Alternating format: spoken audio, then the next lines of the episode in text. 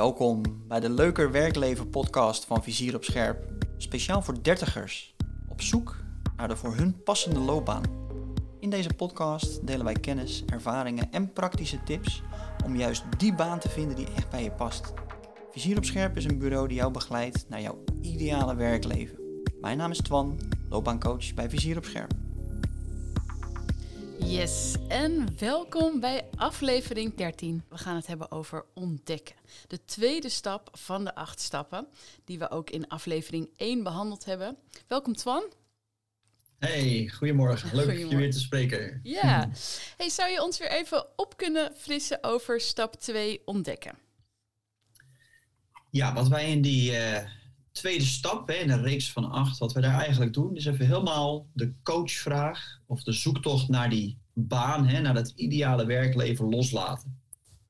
Wat we eigenlijk, als ik het heel kort samenvat, in deze module doen, is dat we zeggen, we gaan ons eerst eens eventjes focussen, we gaan eens kijken op wat is nou jouw ideale leven? Ja. En dat is een beetje vanuit de redenatie dat zoals het nu gaat in onze maatschappij, dan eh, doen we school en dan gaan we door, dan gaan we studeren. En als je een studie gekozen hebt en je hebt die studie afgemaakt, dan ga je vaak een baan kiezen in lijn met die studie. En dan zit je op het moment in je leven dat je zegt, ja, ik wil gewoon de rekeningen kunnen betalen, ik wil mijn plekje in de maatschappij hebben. Dus de baan die ik uiteindelijk kies, ja, daar, hè, daar, daar, daar, doe ik wel een paar concessies aan eh, richting mezelf, want ik wil gewoon geld verdienen. Mhm. En voor je het weet zit je in een baan vast. Waarvan je eigenlijk denkt, ja, die past helemaal niet bij mij. Maar de rekeningen moeten betaald worden. Ja. Dus wij zeggen, draai dat nou eens om. Zoek nu eens, nu je er klaar voor bent, eerst jouw ideale leven uit. En als we die in kaart hebben gebracht in deze module, ga je daarna kijken welke baan past hierin. In plaats van andersom. Ja. Ja, en eh, hoe, hoe moet ik daarover nadenken? Want als ik dit tegen iemand zoals mijn man zou zeggen, dan zou hij zeggen van ja, mijn ideale leven is dat ik niet meer werk. Ah, kijk. En dus de vraag of dat waar is natuurlijk. Hè? ja, Kijk, wat we, wat we in deze module doen, is natuurlijk kijken wat is je ideale leven. Dus we laten mensen echt een beetje in een droomstate, in een droomstemming, ja, fantaseren over hoe het ideale plaatje voor hun zou zijn. Ja. En wat we daarbij vaak doen, is het in kaart brengen van de levensmissie, mhm, de pure zingeving van mensen. Oftewel, hè, waar doe je het nou allemaal voor? ja, Wat is je hogere bijdrage? Wat wil je, hè, als je, stel dat je 150 jaar verder bent en je kijkt terug, hè, van, oh, zeggen we wel eens, als je dat je vanuit een sterretje of je bent een of andere planeet geworden of weet ik veel wat er gebeurt in het hiernamaals. En vanuit die positie kijk je terug op jouw leven, op op de aarde. mhm, Wat wil je dan hebben achtergelaten? Wat wil je hebben betekend voor anderen, voor de maatschappij? En daar zijn natuurlijk mooie methodieken die we één voor één kunnen doorlopen. Maar als mensen daar het antwoord op vinden, wat heb ik bij te dragen? Wat wil ik leveren aan, eh, aan de wereld? En welke rol vervul ik daarin? Ja, als, dat, als ze dat goed in kaart brengen, kun je daarna gaan kijken, oké, als dat nu staat, mhm. Met welke baan en met welk leven, met welk werkleven kan je dat het beste invullen? Ja. Ja, dus het is. Ik denk, ik, ik moet gelijk weer denken aan. ehm, welke aflevering was dat dat we door die neurologische niveaus liepen? Het is, het is weer dat je naar die hogere gaat, hè? Ja, ja, precies. En we leven, en we communiceren en we ontwikkelen op zes verschillende niveaus. En als je naar het allerhoogste niveau gaat, dan ga je eigenlijk naar het missieniveau. Mhm. Ook wel een stukje spiritualiteit. Ja. Sommige mensen vinden dat wat spannend of die noemen dat al zweverig. En dat is prima, hè? iedereen heeft daar zijn voorkeuren in. Maar wat je op missieniveau doet, is eigenlijk het totaalplaatje overzien. In dit geval van jouw leven. Mhm. Om dan te bedenken, ja, waar wil ik naartoe werken? Wie wil ik zijn als mens? En vanuit die gewenste identiteit, wat wil ik dan neerzetten? Ja. En dat is ook een onderdeel wat je aan te kijken hebt. Als je vervolgens weer op een lager niveau bepaalt van ja, en waar wil ik dan werken? En hoeveel dagen? En in wat voor de omgeving? Ja. Ja. Dat klopt, die hebben we al een keertje aangeraakt. Ja. Ja. Nou, vertel me meer. Hoe ga jij normaal gesproken dit aanvliegen als een klant bij jou binnenstapt? En nou ja, stap 1 is geweest en je komt bij dat stukje ontdekken. Ja. Nou, laat ik wat eh, voorbeelden geven. Ja. Ik had, eh, ik denk dat het een jaartje geleden is, dat er een man eh, bij ons de praktijk in kwam eh, wandelen. Mhm. En uh, nou, heel verhaal had hij uiteindelijk. Hè. Hij werkte bij een gemeente. En daar zat hij een beetje in de hoek van de, van de IT. En dat is hem een aantal jaar is hem dat goed afgegaan. En de zekerheid en de vastigheid die ermee gepaard ging, was prima. En hij merkte de laatste jaren al een beetje van, nou, het is niet helemaal meer wat ik het leukste vind. Maar hij haalde nog wel zijn plezier uit de collega's en uit bepaalde projecten. En inmiddels was hij het laatste half jaar in een soort van stemming gekomen waarin hij zegt, ja, ik weet eigenlijk niet meer waarvoor ik het doe. Als ik mijn bed uitstap, dan voel ik al tegenzin. Mhm. Ik zit in een enorme lage levensenergie, noemde hij dat. En het lijkt wel met elke keer dat ik naar werk ga, terwijl ik daar gewoon mijn ding doe, alsof die levensenergie minder wordt. Jeetje, ja. Ik weet niet waarvoor ik het doe. Ik weet niet uh, nou ja, waar ik mijn motivatie, maar vooral ook mijn zingeving, waar ik dat vandaan moet halen. Mm Dan zeiden we, nou, dan, uh, dan ben je bij ons aan het goede adres. En dan denk ik dat deze tweede stap, hè, die ontdekken, dat dat wel eens bij je zou passen. Ja.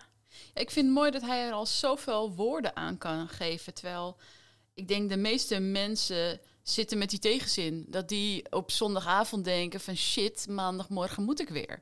Weet je wel, dat die nog heel erg daarin zitten. En hij kan al zoveel woorden geven. Ja, ik voel ja, dat mijn levensenergie weggaat. Dat ik niet echt mijn levensdoel volg. Of nee, noem maar op. Ja, ja. mooi. Ja, en hij kon daar mooie woorden aangeven. En uh, de volgende stap die, uh, die had hij nog niet helemaal helder. Ja. En dat gold ook voor een dame, dat was wel, dat was wel grappig. Die, uh, die kwam ook uit uh, de juridische wereld. Hè? Dat is ook een beetje mijn achtergrond. Ja. Dan gaat er altijd bij mij een, een speciaal lichtje branden. Dat ik denk, oh wat leuk, iemand die ook weer die keuze maakt. Of met hetzelfde thema worstelt die ik goed ken. Ja. Maar zij was ook al wat verder, want zij zegt, ik ben gestopt. Ik heb mijn baan opgezegd. Ik heb in de advocatuur heb ik lang gewerkt. En als bedrijfsjurist. En ik ben er helemaal klaar mee. Mm niet, niet, niet, toevallig ook net moeder geworden, een jong kindje thuis. En ze zegt, het werk gaf me zo weinig energie meer. Alleen ik weet niet precies meer wat ik, uh, wat ik wil.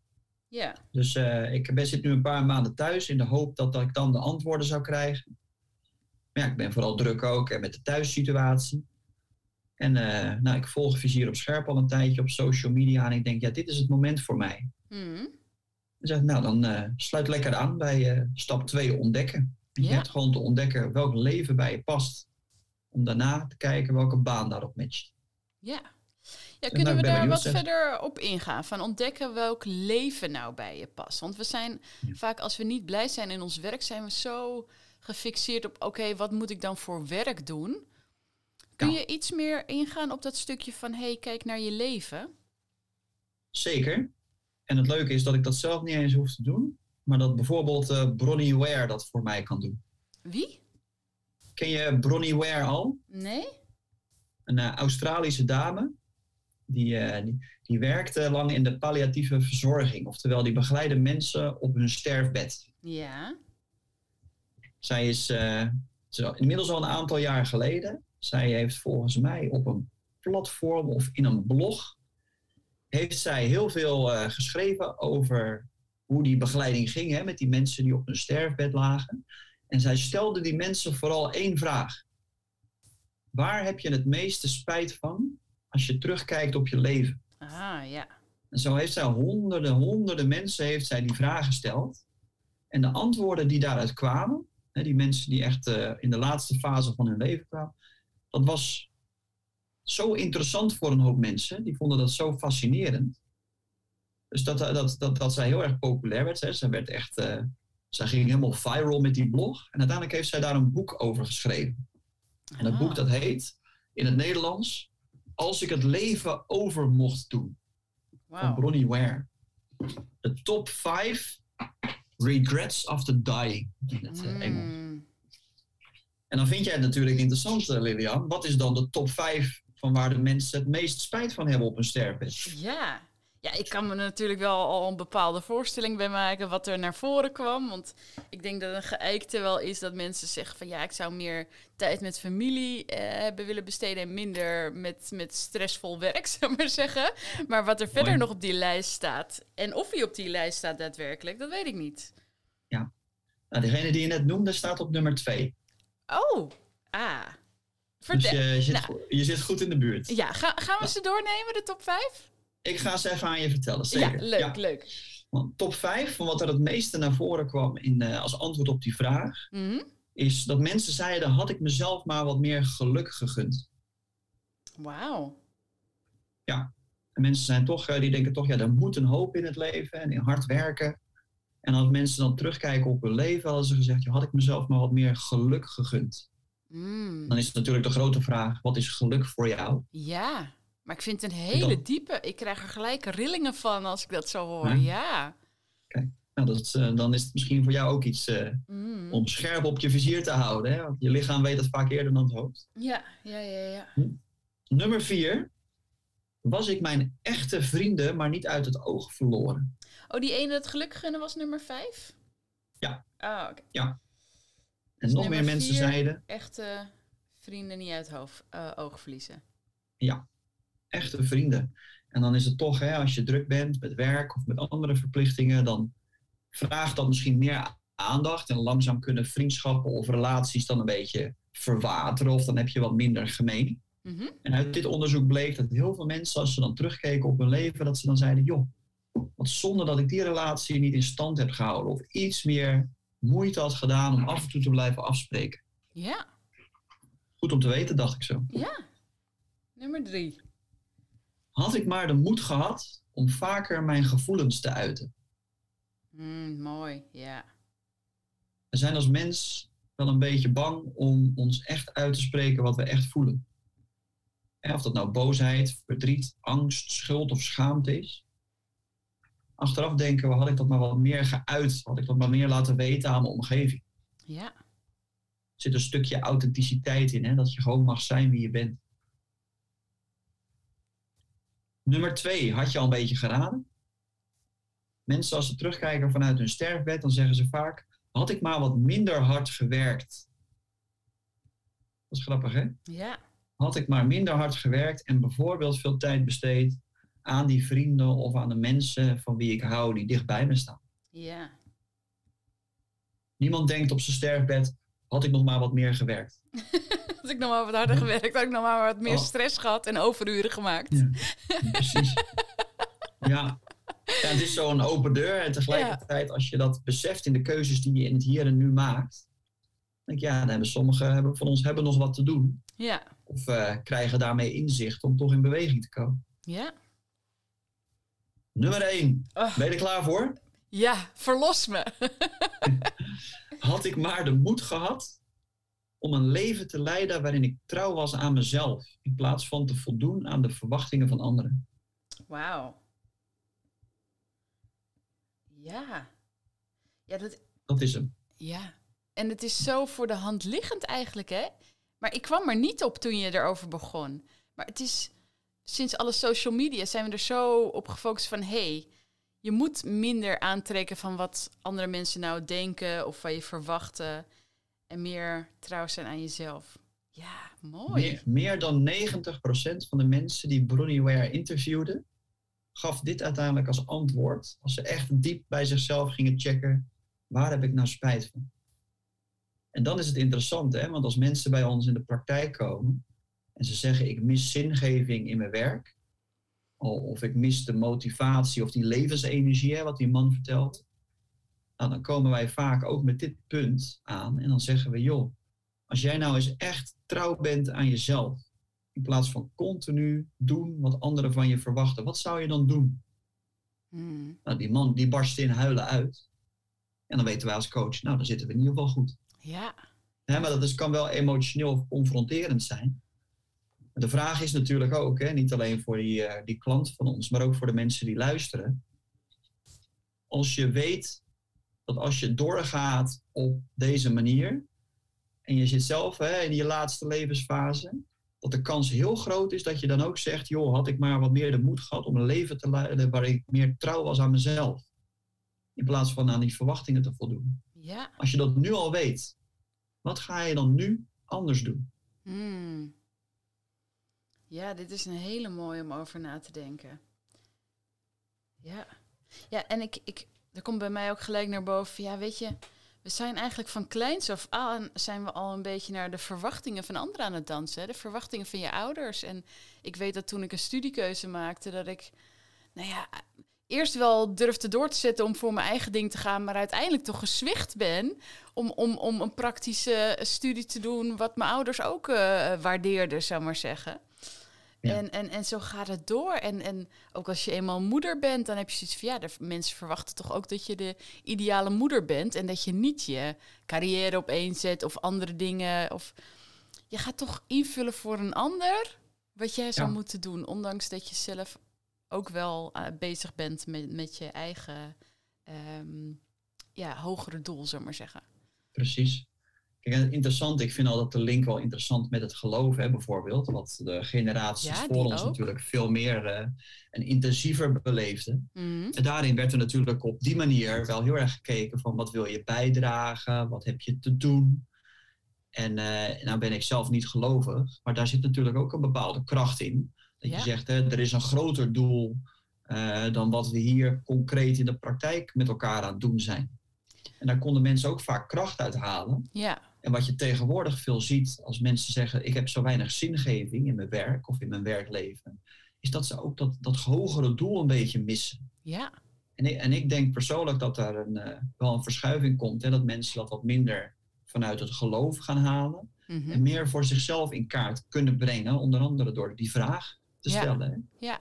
ja, maar ik denk even op dat geloof verder ingaan. Dat kan wel twee kanten opwerken natuurlijk. Want het kan meer zingeving geven van hé, hey, ik heb een hoger doel. Ehm, maar het kan ook een bepaalde zingeving opleggen van hé, hey, dit verwacht het geloof en, en de mensen binnen jouw geloof van je. Waardoor je dus eigenlijk bij die nummer één weer een beetje eh, in de knel kan komen. Dus ja, het kan twee kanten op. Precies, en voor sommige mensen werkt dat alsnog. En wij zeggen dan: eh, zoek vooral uit wat jij wil. Ja, zoek vooral uit. En dat is ook wel leuk, hè, want we hebben nu Bronnie Ware erbij gehaald. Eh, maar als je bijvoorbeeld kijkt naar eh, de boeken van eh, John Strzelecki, hè, dat is de bedenker van de Big Five for Life, ja, die zegt uiteindelijk, hè, die, die heeft het dan niet meer over de vijf dieren die je op safari moet hebben gezien. Maar die zegt, wat zijn nou de vijf dingen in jouw leven die jij gehoord, gedaan, gezien, gevoeld wil hebben? Zodat als je aan het eind van je leven bent en je kijkt terug op je leven, dat je kan zeggen, mijn leven was een succes. Volgens mijn eigen definitie van succes. En dat vind ik zo mooi aan die, eh, aan die methodiek. Hè. Daar heb ik ook drie jaar coaching en training in eh, gegeven en opleiding in gevolgd. mhm. Dat hij zo erg benadrukt jouw definitie van succes. ja, Dus niet wat, eh, wat je ouders vonden wat succesvol was, of je partner, of, of de minister-president, of de buurman, of de bakker. Nee, wat is jouw eigen definitie van een succesvol leven? En breng dat nou eens in kaart. En welke dingen wil je dan in ieder geval doen, horen, zien, voelen? Ja, ja, dat vind ik een hele mooie. Maar kun je een voorbeeld geven? Misschien kun je mm, eh, vertellen wat jouw definitie van succes is. En niet dat dat dan voor andere mensen moet gelden, maar dat we een beetje een beeld hebben van hey, hoe verwoord je dat, je definitie van succes? Ja, dat is, dat is natuurlijk super interessant. Dat is bij mij ook een heel proces geweest. Hè? Mhm. die we ook eh, in deze module aan mensen laten zien. Kijk, waar ik uiteindelijk achter kwam bijvoorbeeld, eh, als je echt gaat kijken, wat is nou mijn definitie van succes? En je beseft dat heel goed. Soms kom je dan op dingen dat je denkt van ja, dat is best een open deur. Of dat had ik kunnen verwachten. Ja, In mijn geval, hè, de, mijn Big Five for Lives is bijvoorbeeld, eh, mijn familie staat op één. Twan, Yvonne, Elin, Samuel, mijn ouders, mijn broertjes, de mensen om wie ik geef. Ik wil ondernemen met succes. Allebei mijn opa's waren ondernemer, maar mijn ouders die hebben dat allebei niet gedaan. Die hebben mij veel meer opgevoed met zekerheid. Mhm. En ik kwam erachter, joh, dat ondernemen dat zit nog heel hartstikke in mij. En ik ben niet bang voor een beetje onzekerheid. Dus ik wil in ieder geval in mijn leven dingen hebben ondernomen Mhm. een beetje risico hebben genomen. Ik wil een fantastisch huis bouwen, zelf helemaal ingericht. Een eh, veilige haven voor de mensen om wie ik geef. Dan ga ik ook zo'n mooie, mooie boodschap op de voorkant van het huis maken. Dus dat is ook een grote droom voor mij, een Big Five. ja, ja. Ieder jaar ga ik drie keer uit mijn comfortzone, zover dat het bijna te spannend is, maar dat ik het toch doe. En hoezo drie aan- keer per jaar? Wat, Ja, minstens drie keer per jaar doe ik iets waarvan ik eigenlijk in mijn, boek, in mijn broek poep. Zo eh, spannend vind ik het. ja, ja. Maar dan, doe- maar dan doe ik het toch. Ja, Weet je, dat, dat, als, als ik aan het eind van mijn leven kan zeggen, want dat is het hè. Ik heb dat, elk jaar heb ik iets gedaan wat ik spannend vond. ja, Toch deed ik het. ja. Ja, dan weet ik nu al dat ik daar een dikke krul doorheen kan zetten. Dat Ja. ik het leven ten maar- volste heb genomen. Maar waar moet ik dan aan denken? Is dat, eh is dat eh parachutespringen of, of zijn het eh, echt gewoon wat... Ja, bijvoorbeeld, als ik het spannend vind, dan doe ik het. Parachutespringen, bungee jump heb ik gedaan. Ehm, ik ben gaan trainen voor een marathon. Terwijl ik eh, volgens de fysio hele korte voetbalspieren heb. Dus dat kon ik absoluut niet doen. Ik zeg, mooi, dan is het uit mijn comfortzone. Dan ga ik het juist doen. ik heb de marathon van Rotterdam heb ik gelopen. Eh, het starten van mijn eigen bedrijf. Eh, het juist Mm. ook weer een hele andere kant op gaan in het ondernemerschap. ja, Juist al die spannende dingen maken het leven tot wat het is. ja, ja, ja, ja. Dus die hoort er zeker bij. En als laatste het samenbrengen van mensen. Ah, Als ik met mijn trainingen, met coaching, met bedrijfstrainingen, als voetbaltrainer, als ik al die punten naga en ik kan zeggen, ja, ik heb mensen samengebracht. Ik werk voor vrijwilligerswerk voor het Rode Kruis. Ja, dan, dan denk ik, dan is mijn leven, tot, dat, dat maakt mijn leven een succes. ja. Ja, mooi. En dan, kan Vijf. je, je- Ja, en dan kan je je misschien voorstellen, dat als je Bronnie Ware erbij haalt, hè, nu je de Big Five for Life, en misschien ook de Ikigai, hè, die ik behandelen we ook. wilde het net zeggen. Ja. ik heb een boek, dat is Ikigai. En dat heb ik eh, van iemand gekregen die ik ken via mijn NLP-opleiding. En die jij ook wel kent. Ehm, maar dat boek gaat over van... Het is het Japanse geheim hoe je lang en gelukkig oud kan worden, zou ik maar zeggen. En, en het grootste punt wat er eigenlijk in dat boek naar voren kwam... van nou ja, ho- hoe word je nou gelukkig oud? En ze interviewen dan ook echt de 100-plussers, hè. En dat zijn allemaal mensen die echt een, een sterk doel in hun leven hebben, een missie op dat hoogste niveau hebben, waar ze voor blijven eh, vechten, waar ze voor blijven leven. En eh, waar ze voldoening uithalen. Dus eh, ja, Ja. leuk dat je Ja. die ook noemt. Het is de eh, Japanse versie wat je zegt. En eigenlijk is de vertaling van Ikigai. Wat is de reden dat je 's ochtends uit bed komt? Mm, Nou, dat was precies bij die, eh, die dame die gestopt was als jurist. Dat was precies de vraag. Ja, wat, wat maakt nou dat ik nog uit mijn bed kom? Ja, Wat, ge- wat geeft mij energie en hoe zou ik dat in mijn werkleven terug willen zien? Dus met haar zijn we toen ook naar die Ikigai gaan kijken. En natuurlijk ook eh, naar die vragen die we net al behandelden. En dat is misschien wel leuk om te vertellen wat ik met haar toen gedaan heb. Want als de mensen luisteren en denken, hé, hey, dat zou ik ook wel willen. De Ikigai die heeft een aantal van die hele mooie cirkeltjes verwerkt in hun model. mhm. En voor jezelf kan je je Ikigai in kaart brengen door in ieder geval tien keer op te schrijven waar je goed in bent. Dus jouw tien grootste talenten. Die schrijf je op een A4'tje. Dus mocht je mee willen doen, dan kan je blaadje erbij pakken. En dan zou ik in ieder geval met tien talenten opschrijven. Ja, ja. Als je die tien talenten hebt opgeschreven, mag je ook tien keer opschrijven. Wat vind jij nou echt leuk? Wat vind je leuk om te doen? Kan van alles zijn, hè? Hobby, sport, werk, privé. Schrijf tien dingen op die jij leuk vindt om te doen. mhm. Dan mag je daarna nog een keertje opschrijven. Tien dingen waarvan jij zegt, dat heeft de wereld nodig. Die is vaak wat lastiger, hè? Moeten mensen Ja. wat meer zoeken, hè? Wat heeft de wereld nodig? Maar denk maar eens eh, op welke politieke partij stem je en wat is daar de reden van? Ja, kun, je, kun je concrete voorbeelden geven wat je daarop zou kunnen schrijven? En wat heeft de wereld nodig? Ja, nou ja, als je nu ziet dat er best wel veel dictators aan de macht zijn. Hè, en dat we oorlog hebben in eh, Oekraïne, Rusland. Mhm. Dan kan je natuurlijk wel zeggen, nou, maar wat vind jij daarvan? Ja. En wat heeft, wat heeft de wereld nodig? Als jij zegt gewoon meer begrip voor elkaar of vrede, Mhm. ja, dan is dat natuurlijk een heel mooi punt. Maar je kan ook ja. denken, eh, we zijn steeds duurzamer bezig. Dus je kan ook zeggen, eh, Ja, meer aandacht voor het milieu. Ehm, eh, we hebben op dit moment de, de boerenprotesten die spelen. Dus je kan ook zeggen, nou, er moet net, netter met elkaar worden omgegaan. Mensen moeten meer de dialoog vinden met elkaar. Mm. Eh, nou, allemaal in die hoek. ja. Eh, maar je kan bijvoorbeeld ook kijken, welke bedrijven vind ik eigenlijk heel erg leuk? Ik zei dat bij haar. Wat- Welk bedrijf vind je heel erg leuk bij die klant? Zij zegt, nou, Coolblue, daar heb ik wel wat mee. Ik zeg, voelde dat je dat cool- ging zeggen. Ik weet niet waarom, maar... Oh ja? Hij zegt, Coolblue, dat, dat, vind ik, dat vind ik zo'n leuk bedrijf. Ik zeg, en wat maakt dan dat je dat leuk vindt? Ja, zij doen gewoon werk wat meer bedrijven doen, maar ze doen het altijd met zoveel plezier en met een glimlach. Zo Mm. erg mensgericht. Ja, zeg, nou, schrijf maar, schrijf maar op, mensgericht. ja. En zo kan je langzaam ook wel tien punten vinden, wat heeft de wereld nodig? Mm, mooi. Wat je dan als laatste mag doen, hè, we hebben tien talenten, tien dingen die je leuk vindt, tien dingen die de wereld nodig heeft. En schrijf dan eens op, tien of hoeveel je komt, manieren waarop je je geld kan verdienen. Dat is bijvoorbeeld in loondienst, maar dat kan ook als zelfstandige zijn. Dat kan ook, eh, wat heb je allemaal meer om inkomsten te verdienen? Aandelen, investeren, eh, onroerend goed wat je weer verhuurt, dus passief inkomen. Schrijf alles op wat je kan bedenken. En als het goed is, heb je dan vier rijtjes van tien dingen, toch? Mhm. Nou, dan zeggen ze bij de Ikigai, op het moment dat jij één van jouw talenten koppelt aan één van die tien dingen die je leuk vindt, dan kom je op je missie terecht. Mhm. Dan kan je je missie in kaart brengen. Dus met die klant heb ik ook gezegd, nou pak maar gewoon willekeurig één van die dingen waar je goed in bent, je talent.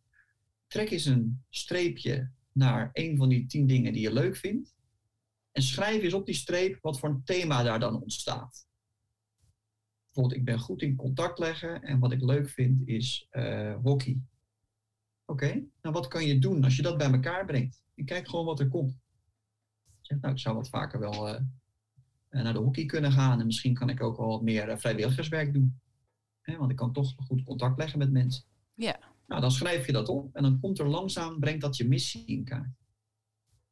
Dan kan je ook nog een keer de tien dingen die je leuk vindt, willekeurig gaan combineren met de tien dingen die de wereld nodig heeft. Oké. En dan ontstaat passie.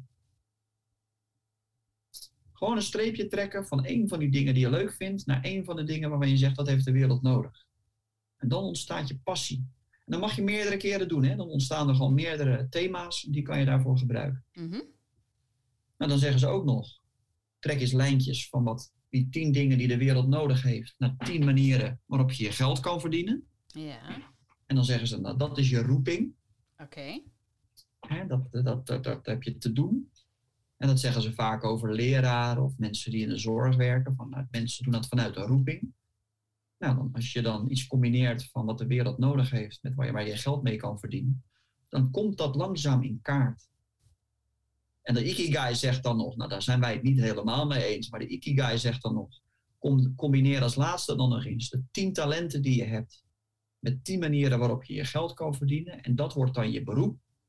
Ja, Maar dan houden ze passie halen ze weg bij beroep. Dus dan denk ik, ja, dat klopt niet helemaal volgens mij. Want je kan ook heel veel passie hebben in het beroep wat je uitoefent. ja.